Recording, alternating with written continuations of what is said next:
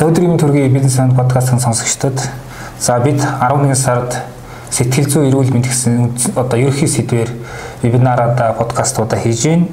За өнгөрсөн одоо хугацаанд бид 1-7 хоног үндэсэн тий. Одоо Чингис хааны ямар төрсөн өдөр болоо бид нэг дугаар үндэсэн. За ингэ хэсэг хугацааны дараа бид нар подкастуудаа вебинаруудаа үргэлжлүүлж байна. За энэ удаагийн зочин маань сэтгэл заслын эмч клиник профессор ариун сэтгэл заслын төвийн захирал Эрдэнэбаатар оролцож байна. Сайн байна уу та? Сайн байцгаана. Үзэгчдээ бас энэ өдрийн мэндийг хүргэе. За баярлалаа. За тэгэхээр өнөөдрийн подкаст манай бизнесмен сэтгүүлч Наран Жимгс оролцож байна. За миний би бизнесмен ерхий редактор даваад орж. За тэгэхээр өнөөдрийн бидний ярих сэдв бол одоо бизнес эрхлэгч хүний сэтгэл зүйн төлөвшил гэдэг сэдвийн хүрээнд ярина. За энэ маань бас сонирхолтой бас маш баялаг сэдв тийм ээ. Олон талаас нь олон өнцгөөс нь ярьж болно. За тэгэхээр яг хуу эхний асуулт ингэж асуумаар л да. Ер нь сэтгэл зүйн төлөвшөж юу юм те ер нь яг бизнес эрхлэгчийн хувьд одоо emotional maturity, emotional intelligence гэх янз янзын нэр томьёо явдаг те. Яг одоо манай сонсогч үзэгч зориулаа та ингээгүйгээр тайлбарлал гэвэл. Тэгэхээр э, төлөвшил гэдэг үг маань өөрөө тэ тухайн хүн сэтгэл зүйн хувьд хүний бие хүний хувьд аль хэдийн өөрийн байр сууриа олцсон одоо би хэлтгийн газар хөдөлж ганхчихсэн ч ганхгүй унахгүй болчихсон тийм сэтгэл зүйн төлөв байдлыг бол төлөвшил гэж байгаа. Тэгэхээр мэдээж яг бизнесмен의 сэтгэл зүйн төлөвшил гэдэг бол энгийн хүнийхээс бол онцлогтой өөрийн гэсэн ялгаа бол байдаг. Тэр бизнесийг анх бий болгох, хөл дээр нь босгох, цаашаа өргөжүүлэх, хөгжүүлэх тийм сэтгэл зүйн чадвартай байх хэрэгтэй. Тэр чадварт бол маш олон дэд чадварууд орно За мэдээж хамгийн түрүүнд тууштай байх, алсын хараатай байх, маш уян хатан мэдрэмжтэй байх, за оюун ухааны тодорхой чадварууд, стратегч байх, дээрэс нь маш олон хүнд хүнтэй харилцах чадвартай байх, бусдад нөлөөлөх чадвартай байх, санхүүгийн сахилга баттай байх, мөнгөний урсгалыг хүссэн хэрэгцээтэй зүг рүү чиглүүлж чаддаг байх, гих мэтчлэн маш олон тэм чадваруудыг шаардсан. Э, энэ бол бизнесменийн сэтгэл зүй байгаа. Тэгэхээр яг одоо энийг гурлаа одоо Монголын нийгмийн контексттэй холбоотой тайлж үзье л та. Ялангуяа бизнест бол нөгөө шийдвэр гаргах гэдэг одоо үйлдэл чинь хамгийн чухал тий. Тэглэг ахаа. Тэг тэгэхээр энэтэй холбоод яриул яг одоо энэ ойлголт нь яг энэ сэтгэл зүйн төвшил гэдэг нь яг ямар үүрэг гүйцэтгэх вэ одоо шийдвэр гаргалт тий. Ялангуяа манайх шиг юм одоо ороо босгоо нэг юм бүжиг намтай юм нөхцөл тий Одоо сүүлийн 30 жил за ганцганы 8-аас ахуулаад те социализмын үеэс шилжих шилжилт бол ялчгүй Монголын бизнесмэнүүд анхны бизнесмэнүүд бол төрж эхэлсэн. За яг социализмын үед бол зах дээр жижиг сажиг 8 байдаг. За нууц саятангууд ч юм уу бол бас байсан. Гэхдээ яг жинхэнэ нийгмийн хүрээнд хүлээн зөвшөөрөгдсөн бизнесмэнүүд бол яхахгүй 90-ад оны үеийн ганцганы 8 ч гэдэг юм уу тухайн үедээ бас за мэдээллийн их сурвалж дээр байсан хүмүүс бол бизнес хийсэн байдаг. А гэхдээ мэдээж 100 хүн байлаа гэхэд 100 хүн бүгдээрээ бизнесмен болох боломжгүй чадваргүй. За тэндээс одоо өстө паретогийн хуулиар аваад үзэх юм бол 28 зарчмыг аваад үзэх юм бол за 20% нь ямар нэгэн байдлаар амьд гарах бизнесээ авчулдах боломжтой. За цаашлах юм бол тэрнээс 10%, цаашлах юм бол 5%, цаашлах юм бол 100 хүнээс магадгүй нэг хүн л үнэхээр амжилттай бизнесмен болж төлөвшөх магадлалтай. Тийм ба. Тэгэхээр энэ бизнесмен의 төлөвшөлд бол мэдээж 90-ад оны үед бол за хар талын асуудлууд бол нэлээд байсан. Одоо хууль эрх зүйн орчин байхгүй яг тодорхой ямар бизнес хийх нь тэгэл ер нь бол юм болгол зарагддаг байсан л да. А нөгөө талаар Монгол бол бүх одоо зүйлийг өөрсдөө үйлдвэрлэдэг байж байгаа. Тэр үйлдвэрлэл нурж унсан. А тэнгууд тэр хөрсөн дээр одоо өстө буянгийн жагаач гэдэг юм уу та анх үйлдвэр эрхлэгчид гарч ирсэн хувийн бизнес гэдэг утгаараа. Тэгэхээр тэд нар бол мэдээж төлөвшлийн үед бол анх мэдээж яг орчин үеийн бизнесмен шиг төлөвшөл бол байгаагүй. Яг бол бизнес яаж хийдгийг, сэтгэл зүйн ямар шинжүүд байх ёстой юм гэдгийг за шинжилгээ ухааны ойлголт бол мэдээж байгаагүй. За төрөлхийн тийм тууштай чанараараа төрөлхийн магадгүй өстой үгдээсээс юм уу ерсэн тэр гүйлгээ ухаантай буюу төлөвшөлтэй хүмүүс маань анхны бизнесмэнүүд болсон. Тэд нар маань одоо өнөөдөр бол өстой групп компаниуд болсон те корпорациудыг толгойлж явж байгаа. Монголчуудын одоо ихэнх нь ерөөхдөө ингээд дотгошоо темпераменттэй те флегматик тийм хүмүүс байдаг гэж байна. Тэгэхээр тийм хүмүүс одоо илүү амжилтанд хүрэх одоо боломжтой байдаг гэж одоо сонсч байсан. Тэгэхээр энэ талаар та бас юу гэж бодож байна? Бизнес эрхлэгчдийн хувьд энэ давуу тал болсон тийм бодтой кейс жишээ танд санаанд орж байна уу? Тэгэхээр э, манай байгууллагад бол маш олон янзын хүмүүс ирдэг. Жилд нэг 600 гаруй хүн, за өдөрт 20 жилд нэг 10 10 гаруй мянган хүн манай байгууллагаар дамжсан. Тэдний тодорхой хувь нь бол яхахгүй бизнесмэнүүд байдаг. За амжилттай бизнесмэнүүд байдаг. За хямралын үед дампуурах гэж байгаа, дампуурсан ч гэдэг юм уу. Тийм бизнесмэнүүд байдаг. Тэгэхээр бизнесмэнүүд бол интроверт буюу дотгошоо чиглэнэ гэдэг бол амжилтанд бол төдийлөн өрөхгүй л дээ. Яг бол бизнес чи өөр гадагшаа чиглэсэн тэр процесс буюу харизмтай тий экстраверт талын хүмүүс бол илүү амжилттай байдаг дөрөв нөр асуусан. Шийдвэр гаргалтан дээр төлөвшлийн ажил нөлөөлдөг гэхэлэр за хүн дунджаар өдөрт нэг 40 мянган бодол боддог гэдэг. Тэ хальд орж ирсэн бодлоо ч гэсэн бүгдээрээ л бодол ш та. Зөвхөн тэдгээрээс маш цөөхөн шийдвэр болж хувирна. А шийдвэр гэдэг бол яг тодорхой мэдээлэл баримт нөөцдөр үндэслээд тэр өгөгдлийг илүү амжилттай болгоход чиглэгдсэн буюу илүү үр дүнд чиглэгдсэн оюуны процесс. А ямар тохиолдолд шийдвэрүүд амжилттай байдаг вэ гэхээр мэдээж шийдвэр гаргах процесс бол хоёр түвшинд явагдана. Нэг нь бол оюун ухаан буюу мэдээлэл, мэдлэг орчин үеийнхээр ярих юм бол тархины зүүн тал бөмбөгийн үйл ажиллагаа тоо гэсэн үг шүү дээ. А тоо бол мэдээж санхүүгийнх байж болно, нөхцөл байдлын боловсон хүчний энэ мэдээлэл боловсруулалт За магадгүй бүр том компаниуд бол статистик боловсруулалт энэ дээр маркетинг орж ирнэ гэдэг юм уу. За нөгөө тал нь бол мэдрэмж. Энэ бол тархины баруун тал бөмбөгийн үйл ажиллагаа байгаа мэдрэмж гэдэг маань одоо бидний нэг далд ухамсар бидний зүн совин зүн бэлэг хүн болгонд тэр өгдөл байж яадаг одоо жишээ нь магадгүй 52-т тэ хизээ нэгэн цагт тийм тохиолдолд тийм мэдрэмж төрж ирсэн нь ямар нэгэн одоо шалгалт өгөх юм ч гэдэг юм уу ямар нэгэн тэмцээнд орох юм ч гэдэг юм уу яаж гэдгийг мэдэхгүй яагаад гэдгийг мэдэхгүй гэхдээ чадна. Бүр нэг цаанаасаа. Тийм мэдрэмж байсан уу? Ерөөсөө яг тэр байдаг. Тэр дотоод гүнийн ихтгэл үнэмшил. Тийм. Тэгэхээр энэ хоёрыг хослуулж ээж оновчтой шийдвэр гаргах үндэс тавигддаг. Тэгэхгүй мэдээлэл бол одоо бурууч гэдэг юм уу, дутууч гэдэг юм уу байх эрсдэл байж байдаг. А нөгөө талаар одоо сэтгэл хөдлөл өндөртэй хүмүүс тэ амжилтанд хүрэх магадлал өөрөө бас хайрцангуй бага байждаг сэтгэл хөдлөхлөөр э, одоо хувьсаг нурж гэдэг юм уу те.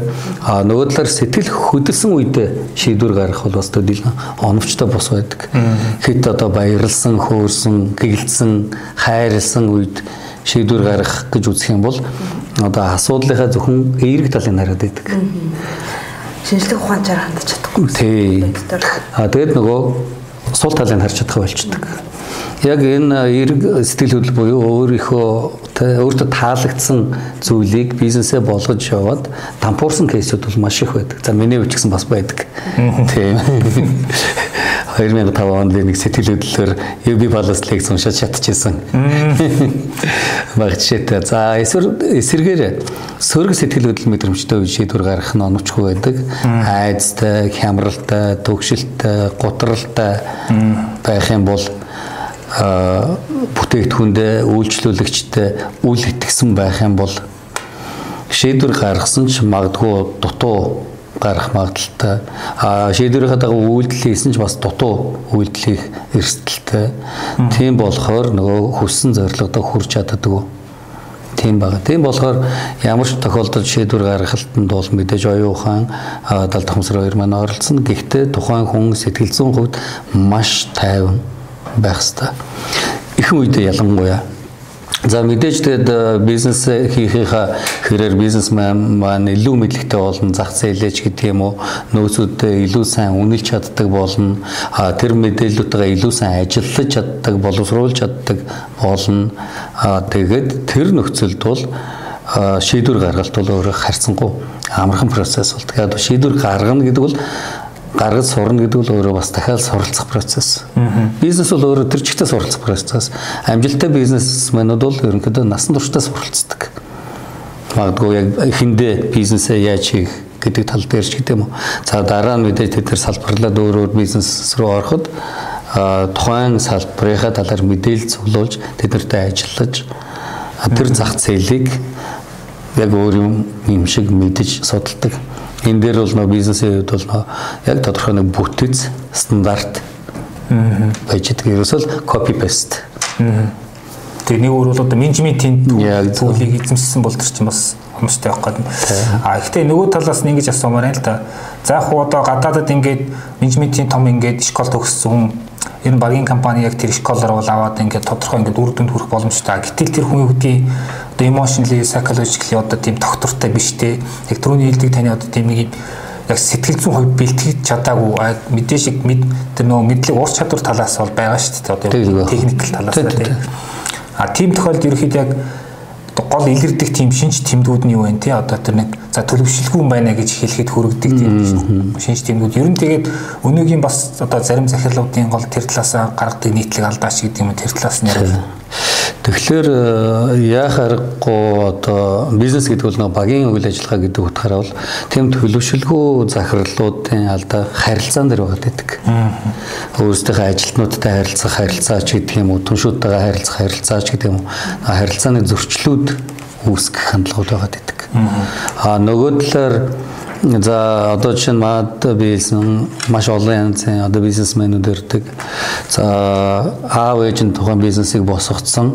Хүүн ч юм уу охин ч юм уу бизнесмэний төлөвшөлгүй тэ шийдвэр гаргах чадваргүй эсвэл төр дал паасан буюу бизнесийн туршлагагүй эсвэл өөртөө ихтгэлгүй ч гэдэг юм уу гих мэтлэн сэтгэл зүйн асуудлуудаас болоод бизнес хийж чадахгүй эсвэл бизнесээ дампуурах эрсдлүүд их байдаг. Аа тодорхой хэмжээгээр энэ бол эмэгтэйчүүд дээр бас арай их илэрлээ болоод байгаа харагддаг. Эмэгтэй захирлуудад тийм залуухан эмэгтэй захирлуудад гэж бүр тодруулах юм бол за мэдээж эрчүүдэд бол бас байна. Аав ээж нь одоо маа дээрээд гомдолдог залуучууд тэр гомдол нь юу гэхээр аав ээж биднийг бизнес хийх чадвар олгоогүй байж ээж энэ бизнесийг хий гэж шахаад байна. Бид нар яаж хийхийг мэдэхгүй байна. Эсвэл өөртөө итгэлгүй байна ч гэдэг юм уу. Эсвэл нөгөө нөхцөл байдлыг зөв үнэлж оновчтой шийдвэр гаргаж чадахгүй байна. Гэх мэтлэн сэтгэл зүйн одоо өстө нөгөө төлөвшөөгүйгийн шинжүүд бол бас нэлээд байж байдаг. Тэгэхээр одоо яг энд нэг юм одоо бид гур ярианаас ийм нэг гол төлхөр ойлголтууд гараад байна л да одоо эхлээд шийдвэр гаргалт гэдээ ярьсан те. Ер нь яг одоо энэ төвштэй бэ нүг юу гэдгийг харуулж байгаа гол одоо тийм нэг юм поинтууд байна шүү дээ. Багийн ажиллагаа дээр нь тэгээ баг өдөрдох тэгээд хамгийн гол нь харилцааг нь яагаад тэгэхээр бүх асуудал эсвэл амжилт ингээд харилцаа яаж явж байгаас бас хамаарат нь шүү дээ. Аа тэгэхээр бас нэг ийм асуулт байгаа даа. За хүн болгон ингээд хөвгүүд наснасаа ч юм хөвгүүд насны одоо өссөн орчин те тэндээс олж авсан юм сэтгэл зүйн туршлагууд. За тэг гэр бүлийн орчин одоо юу гэдэг ямаатан садны юу гэдэг бүхэн харилцааны орчноос тодорхой тийм дотоод юм юу гэдгийг янз янзын нөөцтэй цэнэгтэй тий одоо ажил хэргийн орчинд орж ирж байгаа шүү дээ. Ялангуяа одоо баг өдөрч хүмүүсийн хувьд бол энэ хоёрын нөгөө ялгааг ингэж баланслах айгүй шаардлагатай. Гэтэл ингээд зарим нэг нэг хувийн энергиуд нь одоо ажилд ирэх энергитэй нь хорилт холилдооч гэдэг юм уу энийг ялгаж чаддгүй юм байгаад гэхдээ энд энэ дээр ер нь яг яаж менеж хийх вэ гэдэг дээр та юу зөвлөдөг вэ? Ялангуяа баг өдөрч үнэхээр аа үнэхээр яг За ажлынхаа стрессийг гэртээ гаргадаг, гэрийнхаа стрессийг ажил дээрээ авчдаг тийм хүмүүс бол бас байдаг. Аа хамгийн түрүүнд стресс менежментийн асуудал. Тэгэхээр энэ бол одоо орчин үед бол маш чухал тавьж байгаа шүү дээ. Байгууллагын стресс менежмент.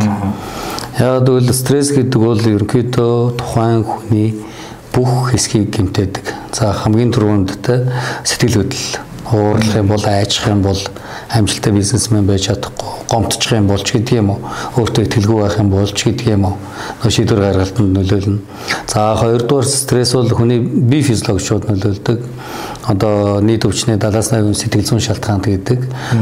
Тэр гол шалтгаан бол ерөөсөө стресс. За наазах нойргууд, толгоо өвдөх, даралт гэсэн, зүрх өвдөх, ходоод өвдөх, арсны өвчнүүд гэх мэт хоорт авдарч гэсэн орцсон явж байгаа. Тэгэхээр бизнесмэнүүдийн хувьд ялангуяа одоо өөртөө цаг зав зарцуулж чаддгүй бизнесмэнүүдийн хувьд стресстэд цаашлах юм бол мэрэгжлээс ажлаас хаашрах хам шинж буюу burnout болдог, унцдаг. Энэ түгээмэл болоод байгаа. Ер нь бол айгүй түгээмэл. Одоо жишээ нь манай дэрж байгаа залуу бизнесмэнүүдэд би хэлдэг байхгүй стрессийг заавал тайлж явах хэрэгтэй. Тэгэхгүй бол мэдээж залуу айгүй эрчтэй, хүчтэй, амбицтай Тэгэд нэгэн зэрэг айгүй олон бизнес рүү орцсон байдаг. Ганцаараа бүх асуудлуудыг шийдэх гээд үзээд байдаг. Гэтэл хүний бие сэтгцүүл тэрийг эзэж дэлэхгүй. Тийм хэмжээний ачаал өөртөө авсан байдаг. А харин бас эсэргээрээ гадаад төгссөн ч гэдэг юм уу ерөөдөө юм уншдаг мэддэг залуу бизнесмэнүүд бол одоо шинэ манай байгууллагад ханддаг бүр удирдлагын багаараа стресс менежмент авдаг. Бүр хүмүүстэй байгууллагаас нь гадаад их шигтэй хүн болгоныхын төлбөрийн тодорхойгоор өгөөд тэгээд цааш чи хэдэн цаг яв эхлээд онцлуулна. Дараа нь асуудал юу байна? Тэрийг шийдвэл гэж. Асуудал өнгөж бол байдаггүй. Хичнээн ингээд маа дээр ингээд амжилттай бизнес эрхлэгч залуу ирээд оо надад ямар ч асуудал байхгүй гэдэг боловч ямар нэгэн асуудал бол одоо бид нар олон жил ажилласан болооч юм олж лээдэг. Тий. За наад зах нь одоо нойр гүйдэлч гэдэг юм уу те за гэр бүлийн зөрчилж гэдэг юм уу. Эсвэл өөр харилцааны зөрчилж гэдэг юм уу. Гих мэтчлэн. Бие махбодын ямар нэгэн өвчин эмгэгийн суур тавьж яддаг ч гэдэг юм уу. Тийм. Тэгэхээр стресс менежмент бол өөрөө маш чухал. Тэгэхээр одоо ялч нөө төлөвшсөн бизнесмен гэдэг маань маш олон асуудлыг олон талаас нь харах чадвартай. Тэгээд тэр болгонд нь оновчтой арга хэмжээнүүд авах чадвартай хүнийг бол өстой утгаараа төлөвшсөн бизнесмен гэж хэлж болно. За тэгэхээр одоо энэ төлөвших гээд одоо эрдэм гээл нэрлэлчээ та энэ эрдэмд суралцж болно гэдэг ба шүү дээ мэдээж шүү дээ. А тэгэхээр яг хөө би нөгөө нэг асуултууд илүү манай подкастыг сонсохын бизнес эрхлэгч нэг шипи өгөх талаас нь дандаа гэж асуугаад байгаа шүү дээ. А тэгэхээр суралцж бол тийм бол тэгвэл одоо хамгийн түрүүнтэй эсвэл хамгийн одоо энгийн байдлаар хэрэгжүүлж болох тийм дадал зуршил эхний алхам ч юм уу те энэ талаар нэг зөвлөвөл та юу гэж хэлэх вэ? Тэгэхээр үнэхээр чухал асуудал энэ бол дахиад эргээд нөгөө стресс рүү ордог. Яагаад гэвэл хөссөн үсээгүй бизнес гэдэг бол ачаал бие махбод сэтгцэн ачаал юм чинь тэр биеийг амраадаг байх хэрэгтэй. Тэгэхээр тэр сэтгэлээ бас тайшруулж сурах хэрэгтэй. Тийм болохоор одоо за YouTube дээр байдаг манай ховсын бичлэгүүд байдаг. Хүн өөрийгөө удирдах чадвартай байх хэрэгтэй. Өөрийнхөө ажил амралтын цагийг оновчтой зохицуулах чадвартай байх хэрэгтэй. За тэгэнгүүт стресс менежмент үндсэн одоо гурван бүрэлдэхүүн хэсэгтэй. Нэгдүгээрт за тань мэдхүйн хэсэг байгаа. Буюу логик, оюун ухааны хэсэг. Энэ дээр юу вэ гэхээр за би ингээд надад ийм зөвөр илрээд байна. Би ядраад байна. Би нойргуудад байна. Миний зүрх уюу хатгаж өвдөд байна гэдгээ онцлоод за тэгэх юм бол дараагийн шатанд би энэ зөвөрийг ер нь баг дээр нь дарахгүй бол те эмчилгээ хийлгэхгүй бол асуудал бол хүндэрдэг. Яг вэ гэхээр харамсалтай нь маш олон бизнесмэнүүд залуугаас одоо бие бодохгүй ажилласаар байгаад цаг бус ертөнцийн мөнхөсөг үзүүлэх тохиолдлууд зөндөө шүү дээ. Наазах нь одоо шигдээс, зүрхний шигдээс, цус харуул залуучсан байна. 30 эдтэй залуучууд бурхан болоод байна шүү дээ. За хоёр дахь point юу гэхээр сэтгэл хөдлөл буюу таашаал авахтай гоо сайхны. Магадгүй өстө кино үзэгч гэдэг юм уу концерт музей ууланд гарахч гэдэг юм уу. Гоо сайхны ямар нэгэн таашаал өгөх юм бол нөгөө далд ухамсар буюу мэдрэмжийн төвшөнд маань тэр стресс менежмент болж өгдөг. За гурав дахь хэсэг бол хөссөн үсээгүй бие махбод. Яг л хүн стресслэг өнгөд бөөрийн дэд булчирханаас кортизол гэдэг стрессийн даавар ялгарна. Тэр маань судсыг агшаан зүрхний ачааллыг нэмэгдүүлнэ. Тэгэд байнгын стресстэй явсан хүн за наад захын л нөгөө шилэн хүзүүд хувийн гэдэг штэ тэ. Тийм хөшин. За цаашлах юм бол нөгөө булчингууд байнга чангарсаар байгаад суларч чадхаа ойлцдог булчин өвдөн тэрнтэй холбоотойгоор толгой өвдөн булчин чангарж байгаа юм чин суд загшиж байгаа юм чин зүрхний цус хангамж муудна, зөөр хөвднөл гих мэтлээ. Тийм болохоор стресс менежментийн гарцаагүй нэг маш том хэсэг бол спорт. Тэгтээ удаан тайван одоо йога мэдээж таардаг хүмүүс байдаг. Гэхдээ аль болох эрчтэй спортыг би зөвлөдөг юм. Том зорилго нөгөө том зорилготой байх тусмаа түүндээ хүрэх эрүүл мэндтэй байх хэрэгтэй гэж хэлдэг. Тэрнээс гадна нөгөө өдөр их их битгий хий, баг битгий хий өдөр бүр жоох хийгээд. Тэгээд тэр үнийг зөв хээ. Тэр юмнууд нөгөө ухаантай ажил гэдэг байгаа шүү дээ тий. Work smart. Тий. Та тэгээ тэрэндээ бас айгуу санал нэг байна. За тэгээд удирдахч хүний хувьд бас нөгөө юм сэтгэл зүйн олон төвт хүмүүстэй ажиллаж байгаа тий олон төлөвтэй хүмүүстэй. Тэгэхээр тэд нартай одоо яаж ажиллах уу чи нөгөө шүүмжлэхтэй ингээд чи болохгүй байна. Чи дандаа ингэдэг ч гэдэг юм уу те тэгж хүмжлэхээр тэр нөгөө ажилчдад айгуу тийм хэцүү тусдаг гэнэ л тодорхойгүй шүүмж байдаг. Яг юун дээр алдаад байгааг нь тодорхой хэлдэггүй. Субъектив тийм шүүмжлэдэг гэж байгаа байхгүй. Тэр энэ тал дээр та бас. Тэгэхээр яг өдөрдөгчд бол ерөнхий нэг туйлын аваад үзэх юм бол хоёр туйл байгаа те. Нэг нь дарангуулагч, хүчирхийлэгч, а нөгөөх нь арчилсан гэж. Тэгэхээр за хүчирхийлэгч өдөрдөгчийн доор ажиллаж байгаа хүн бол чин сэтгэлээсээ тэр хүний төлөө ажиллахгүй зөвхөн магадгүй мөнгөний төлөөч гэдэг юм те тодорхой нэг хэрэгцээнийхээ төлөө ажилладаг. Тэгэхээр тэр хүн бол одоо хүчирхийлэгч өдөрдөгч бол тийм амжилттай баг бүрдүүлэх боломж бага байдаг. Яг бол орчин үед ерөнхийдөө нөгөө толгойн хулгай буюу head hunting нэлээд газар авсан шүү дээ те. Хаан сайн захирал байна тийшээ хүмүүс илүү явж идэг. Тэгэхээр арчилсан өдөрдөгч рүү бол хүмүүс илүү явах дуртай тэдний багт ажиллах дуртай одоо ингээд байгууллагуудыг харж байгаа ч гэсэн тийм байдаг. За нөгөө талаар шүүмж гэж байгаа мэдээж шүүмжлэх тохиолдол бол байна. А гэхдээ шүүмжлэх үү зөвөр зааварчлах уу? А нөгөө талаар тэр шүүмж заавар маань өөрөө маш тодорхой байх ёстой. А тэр тодорхойгүй гэдэг гомдол хэн дээр гарах вэ гэхээр өстой сэтгэл зүй төлөвшөөгөө сахирлын хувьд гарна. Яг бол төлөвшсөн хүн бол асуудал нь бол айгүй цэгцтэй, ойлгомжтой. За ажилтнуудад өгж байгаа үүрэг даалгавар нь бас маш тодорхой, ойлгомжтой байх юм бол ажилтнууд тэрийг маш сайн хийн. Тэгээд үр дүн рүү чиглэсэн үр дүн нь бас дахиад маш тодорхой байх хэрэгтэй. Аа би хэлдэг сэтгэл зүйн хувьд бол нэг хэцүү хэдэн төлөв байдал байдаг. За нэгдүгээрт тодорхойгүй байдал, хоёрдугаарт хүлээлт, тодорхойгүй хүлээлт тэрнээсээ хэцүү. За дээрэс нь мэдээж одоо ганцаардл байдаг. Магадгүй ингээд одоо байгууллагуудын хүмүүстэй ажиллаж байхад ажилтнуудын хоорондын зөрчлүүд бол хөс үсэйг гарч байдаг. Үл ойлголцоолтой, тэмцэл ямар нэгэн шалтгаантай. Тэнгүүд олонний дунд байгаа мөртлөө одоо орчин үед их ярьдаг болсон шүү дээ. Бүли гадуурхагдах үзэгдлүүд бол бас байгаад байдаг. А захирлуудын хувьд бол нөгөө ажилтнууд нь өөрийг ойлгохгүй байгаа юм шиг. А наан хүндэлж байгаа боловч цаана үл ошиж байгаа юм шиг тийм мэдрэмжүүд бол бас тааралдаад байдаг. Тэгэхээр тэр бол тухайн одоо захирал өөрөө ямар хүн бэ гэдгийг илэрхийлж байгаа илэрхийлэл. Тэгэхээр одоо тэр бизнес эрхлэгч маань ажлынх нь эсвэл өөрийнх нь сэтгэл зүйн эсвэл ажилтнуудынх нь ямар нэгэн зүйл болохгүй байгаа юм шиг сэтгэл мэдрэмж төрөх юм бол тэрийг заавал засах тал дээр ажиллах хэрэгтэй. Одоо байгууллагууд ерөнхийдөө сэтгэл зүйчд бас авдаг болоод байгаа. Сэтгэл судлалын салбар бол нэлээд хөгжсөн. Одоо сургуулиуд сэтгэл зүйчд ер нь болж байна. Эмнэлгүүд болж байна. А байгууллагын сэтгэл зүйчд бол бас байдаг.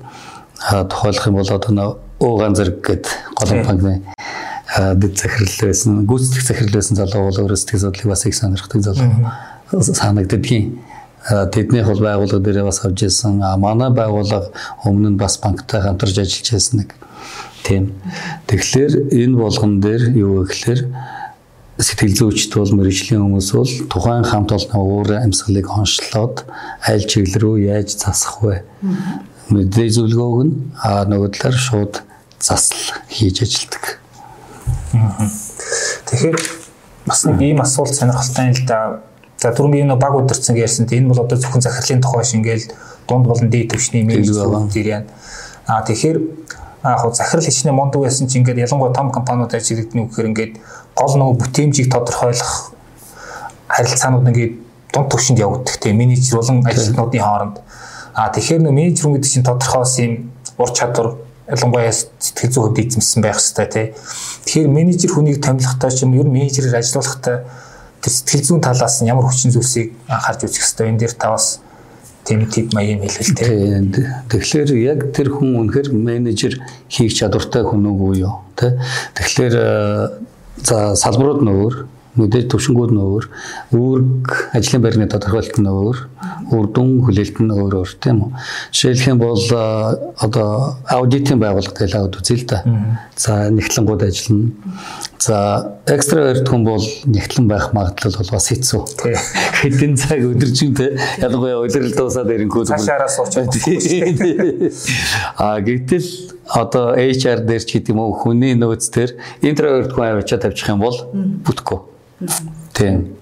Тэгэхээр ер нь бол яг ажлын байрны байр болгонд тохирсон сэтгэл зүйн хэвшинж гэж байдаг. Жишээлх юм бол за ямар нэгэн төвшний одоо менежер байх юм бол тэр хүн хамгийн түрүүнд харизм тавих хэрэгтэй. А удирдахч хүн түрүүн би бас хэлэх гэжсэн. Өөрөө сэтгэл зүйч байх хэрэгтэй өссөн үсэг. Яг бол олон хүнтэй ажиллана, хинтээ нь яаж харилцах аргуудаа мэддэг байх хэрэгтэй. Тэгэх юм бол тэр хүний байгууллага багийнх нь ер нь бол маш урамтай сайхан нэгэн зорилгын төлөө ажиллаж чадна.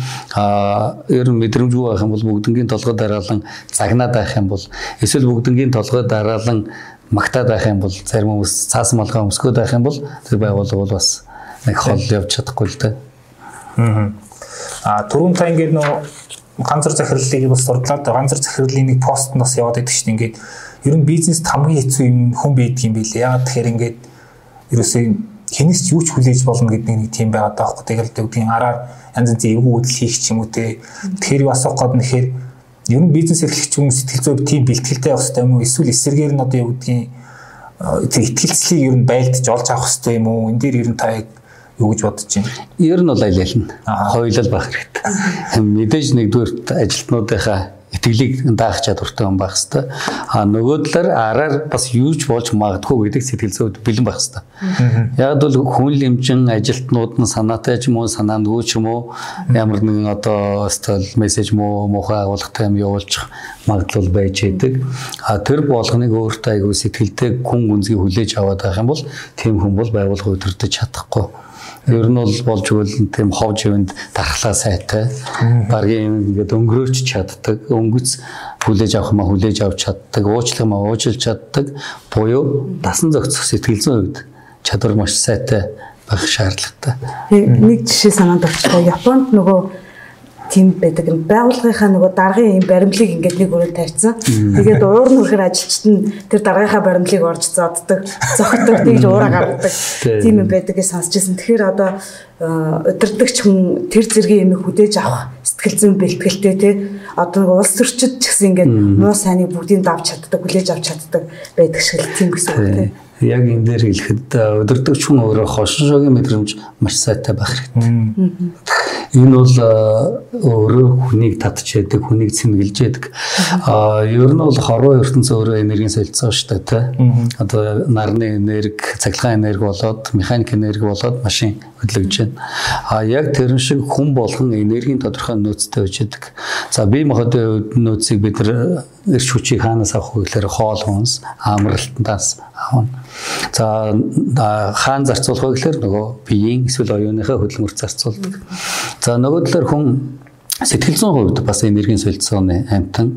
За хүн хаанаас сэтгэл зүйн энергиэр цэнэглэгдэх вэ гэхээр амжилт, үр дүн, гоё сайхан мэдрэмж төрүүлж байгаа болгоноос магтаал, урамшуулалт, тийм одоо хайр, хүндлэл, итгэлцэл гэх мэтлэн. Тэгэхээр удирдахч хүн өөрийнхөө ажилтнуудад тэр энергийг өгөөд байх юм бол ажилтнууд нь үнэхээр цэнэглэгдээд тэр баг бол үнэхээр хүчтэй байж чадна.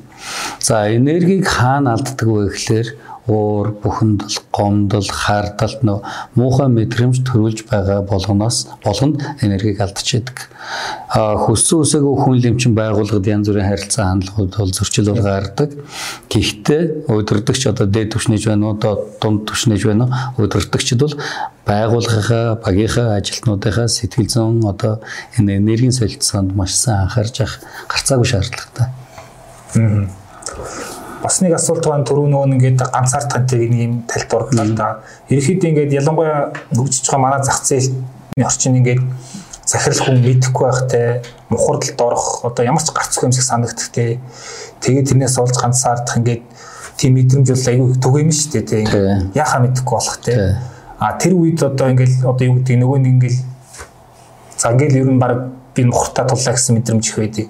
Тэр үед ямар алхам хийвэл зүгээрээ те. Тэр нэг юм эвгүй байдлаас мухарцсан байдлаас өөрийгөө сэтгэл зүйн те яаж авч гарч цаашаа явах тэр зүг чи цэнийг олох вэ энэ дээр Тэг яа харахгүй нөгөө захирлын тухай үеийн буруу шийдвэрээс өөрийнх нь болоод байгууллага тийм байдалд орно. Тэгэхээр тухайн захирал өөрөө сэтгэл зүйд готролд орох ч гэдэг юм уу. Харамсалтай нь одоо 10 оны хямралын үед аа миний мэдхийн хэд хэдэн захирлаа сайн хорлсон байдаг. Ялангуяа баярлалын салбарын нөгөө бахан өртөө байж байдаг зах зээл байхгүй болсон байж байдаг. Гих мэтлэн.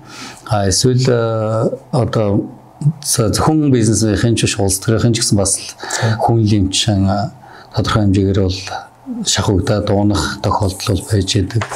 Яг готролд ингээд орж эхэллээ гэхэд мэдээж буруу шийдвэрийн үр дагавар байдаг. А тэгэнгүүт тэрөөсөө бодж байгаа бодол хийж байгаа хийж байгаа үйлдэл нь болж байгаа юм ганц ч байхгүй. А тэгэнгүүт болж байгаа юм байхгүй юм чинь бусад хүмүүс өөрийг нь ойлгохгүй дэмжихгүй тийм мэдрэмж төрдөг. Тэгэхээр өөрөө ингээд 40 жил юуны төлөө тэмцсэн бэ? Амьдрал утгагүй санагдаж эхэлдэг. За тэгээд цаашлах юм бол энэ дээрээс нөгөө амин орлох бодлого ч гэсэн орж ирэх жишээтэй. Тийм. Тийм болохоор ер нь бол одоо за ялангуяа залуу захирал шинэ бизнес эхэлж байгаа захирлуудын хувьд шийдвэр гаргалтын дээр аягүй сайн суралцах процесс шүү дээ. Тийм Тийм аа нөгөө талаар одоо орчин үед нөгөө бизнесийн коуч, ментор эднес гэж байдаг болсон тэдний тэ зөвлөгөөг айгүй сайн бас авдаг байх хэрэгтэй туршлагатай хүмүүсээс айгүй сайн асууж авах хэрэгтэй. За тэгээд одоо бизнес төлөвлөлтөн дээрээ ч гэдэг юм уу мэрэгсэн багийг авч ажиллуулж явах хэрэгтэй. Тийм. Тэгж өөрийнхөө нөгөө ирээдүйн эрсдлээс эрсдлийн менежментийн дээр аягүй чухал.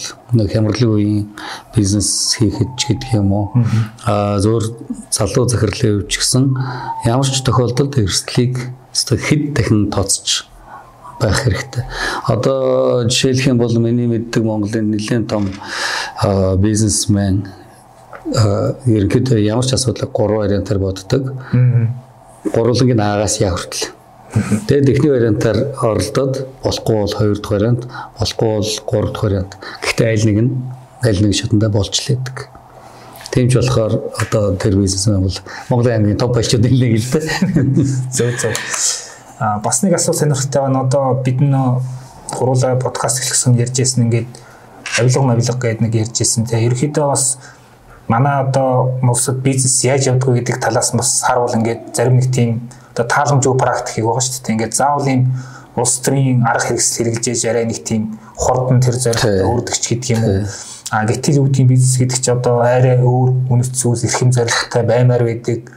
Арай урт хугацаанд ингээд тэр ихтгэлцэл одоо юу гэдгийг бусад юм бий болгомоор байдаг. Гэтэл ингээд тийм юм хоёрдмал юунд шахаанд орчдөг тий. Тэр үед бизнес одоо эрхлэх штэ ямар одоо тийм төвчээр гаргах уу тэр тэр үед ер нь яг одоо сэтгэл зүйн хувьд яаж тэрийг даван туулах уу те Тийм тэгэхээр э, нэг одоо NLP гэдэг одоо манай баримтлагын сэтгэл судлалын урсгал гэдэг Neuro Linguistic Programming гэж аа тэн дээр одоо наад захын за хүн болго мэдэндээ нөө Томас Альва Эдисон жишээ байдаг шүү дээ. Нөө чийдэн бүтээдэг. Тий 100000 удаа. Аа тэр NLP дээр бол ерөөсөө нөгөө сууднуудын сэргэлгээний стратегийг айгу задлж судалсан байдгийн. Аа Дилс Гриндер гэдэг хоёр Америк. Аа тэгээд тэр хоёр яасан бэ гэхээр за амжилтанд хүрсэн хүн болгон шууд анхныхаа оролдлогоор амжилтанд хүрчдэг. За маш олон оролдлого зүр хідвэ гэдэг бол буюу асуудлаас хамаарат янз бүр аа би өмнөх юун дээр вебинар дээр ярьжсэн да TOT гэсэн тийм загвар байдаг.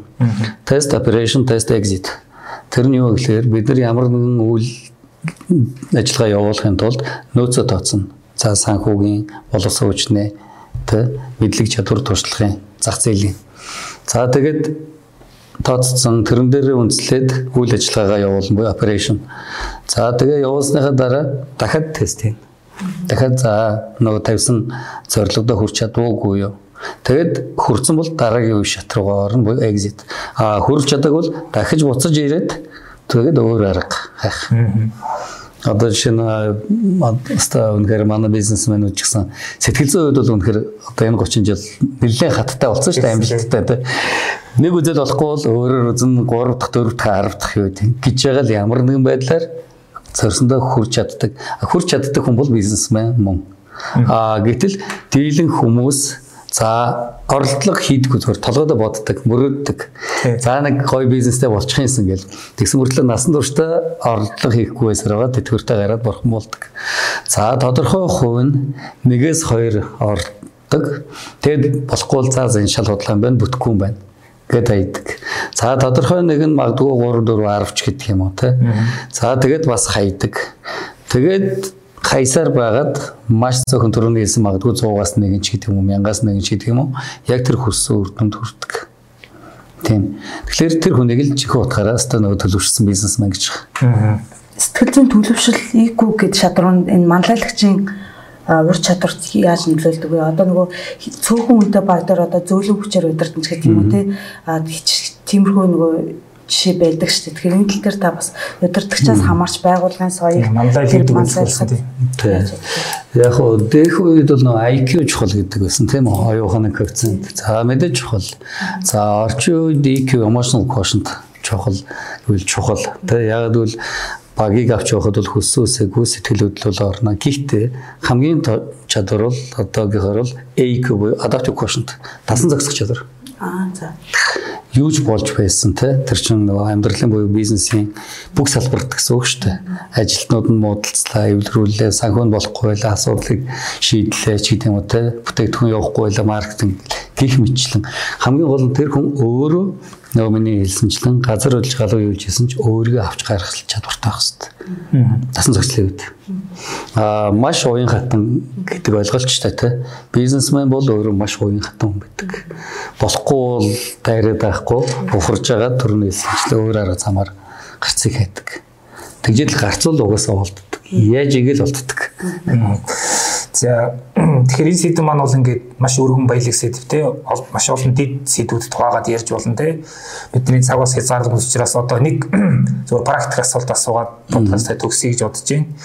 За ингээд давал мэдээж өнөөдрийн байдлаас харахад бол нэлийн завгүй хүн болтой тэгээд тэгээд тантай хамтарч ажилласан бизнес эрхлэх зүйлээ авах хүмүүс олон байдаг те. Гэхдээ тантай бас яаж хамтарч ажиллаж болох уу?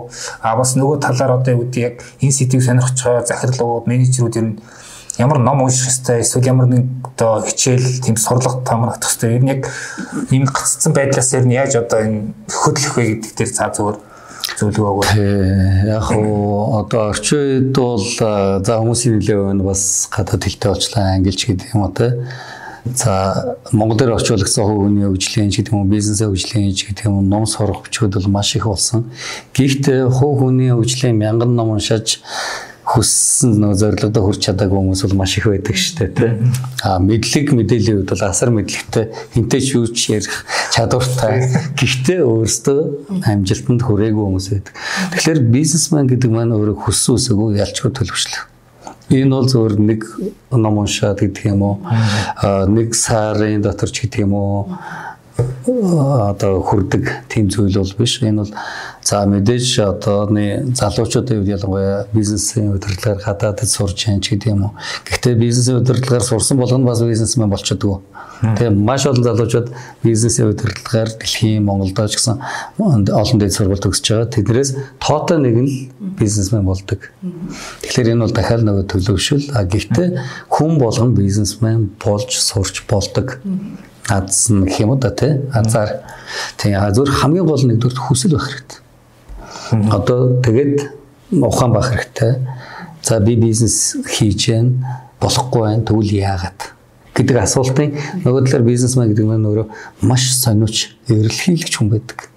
Тэгэхээр яагаад болохгүй байна вэ гэдэг асуултаа тавиад тэрнийхээ хариултыг эсвэл нөгөө түрүү хэлсэнчлэн за одоо мэрэгжлийн коуч гэдэг юм уу те менторч гэдэг юм уу эсвэл зөвлөхөөс авч авч явах юм бол илүү оновчтой байдаг. За манай байгууллагад бол ер нь бизнесмэнүүд нэлээд ханддаг. Тийм одоо баг 10 хэдэн жил тасралтгүй явж байгаа хүмүүс ч бас байна. Яагаад вэ гэхээр за наазахын зөвөр бизнес хийнэ гэдэг чинь өөрөө стресстэй ажил юм чинь. Зөвөр стресс менежментийн хувьд ч байна. А тодорхой нэг шийдлүүд дээр ажиллах сонирхолтой хүмүүс ч бас байна. Яг л одоо шинэ Миний хувьд бол за худалчинд 18 наснаас хойш мөнгөний хойноос явсан 48 нас хүртэл мөнгөтэй болж чадаагүй 48 наснда нэг найзтай загнуулаад анх нөгөө хоримтлал гэдэг юмыг үүсгэсэн. Аа үүсгэсэн чинь тэр чинь бас өөрөө их гоё юм бэл. Ингээд тасаа харж хахад байнга нэмэгдчихэд. Тийм. Тэгэхээр э, хүсэх юм бол YouTube дээр Кириллэр дээр натар сэтгэл заслч юм гэсэн манай сувг байдаг. Тэн дээр хамгийн сүүлд мөнгөний ховс тавигдсан байгаа. Ер нь яванда тэр манайх веб хуудастай болох гэж байгаа. Тэн дээр яг бизнес ер нь амьдралын бүх салбарт сэтгэл зүйтэй холбоотой мэдээлэл материалууд тавигдана. За тодорхой хүмүүс хүсэлт тавих юм бол манайх бас хувийн сургалт явуулдаг байсан. Сая коронавигаас болоод тодорхой хэмжээгээр завсарлчаад одоохондоо дахиж орж чадахгүй байна л та нэг завгүй учраас тийм Тэгэхээр ер нь бол дахиад би хэлдэг юм. А энэ ч багшаа тантай яаж холбогдох вэ гэхээр миний чихнээ сон хуяа дагараа л гэдэг жил тэгээд нэг холбогдоод за зөвлөгөө сургалтууд авах болно. За ингээд өнөөдрийн дугаар өндөрлөе. Манай зочноор сэтгэл заслын эмч, клиник профессор, ариун сэтгэл заслын төвийн захирал Эрдэнэбаатар орслоо. За мөн бизнесмен сэтгүүлч Наран Чимхтэй баярлаа.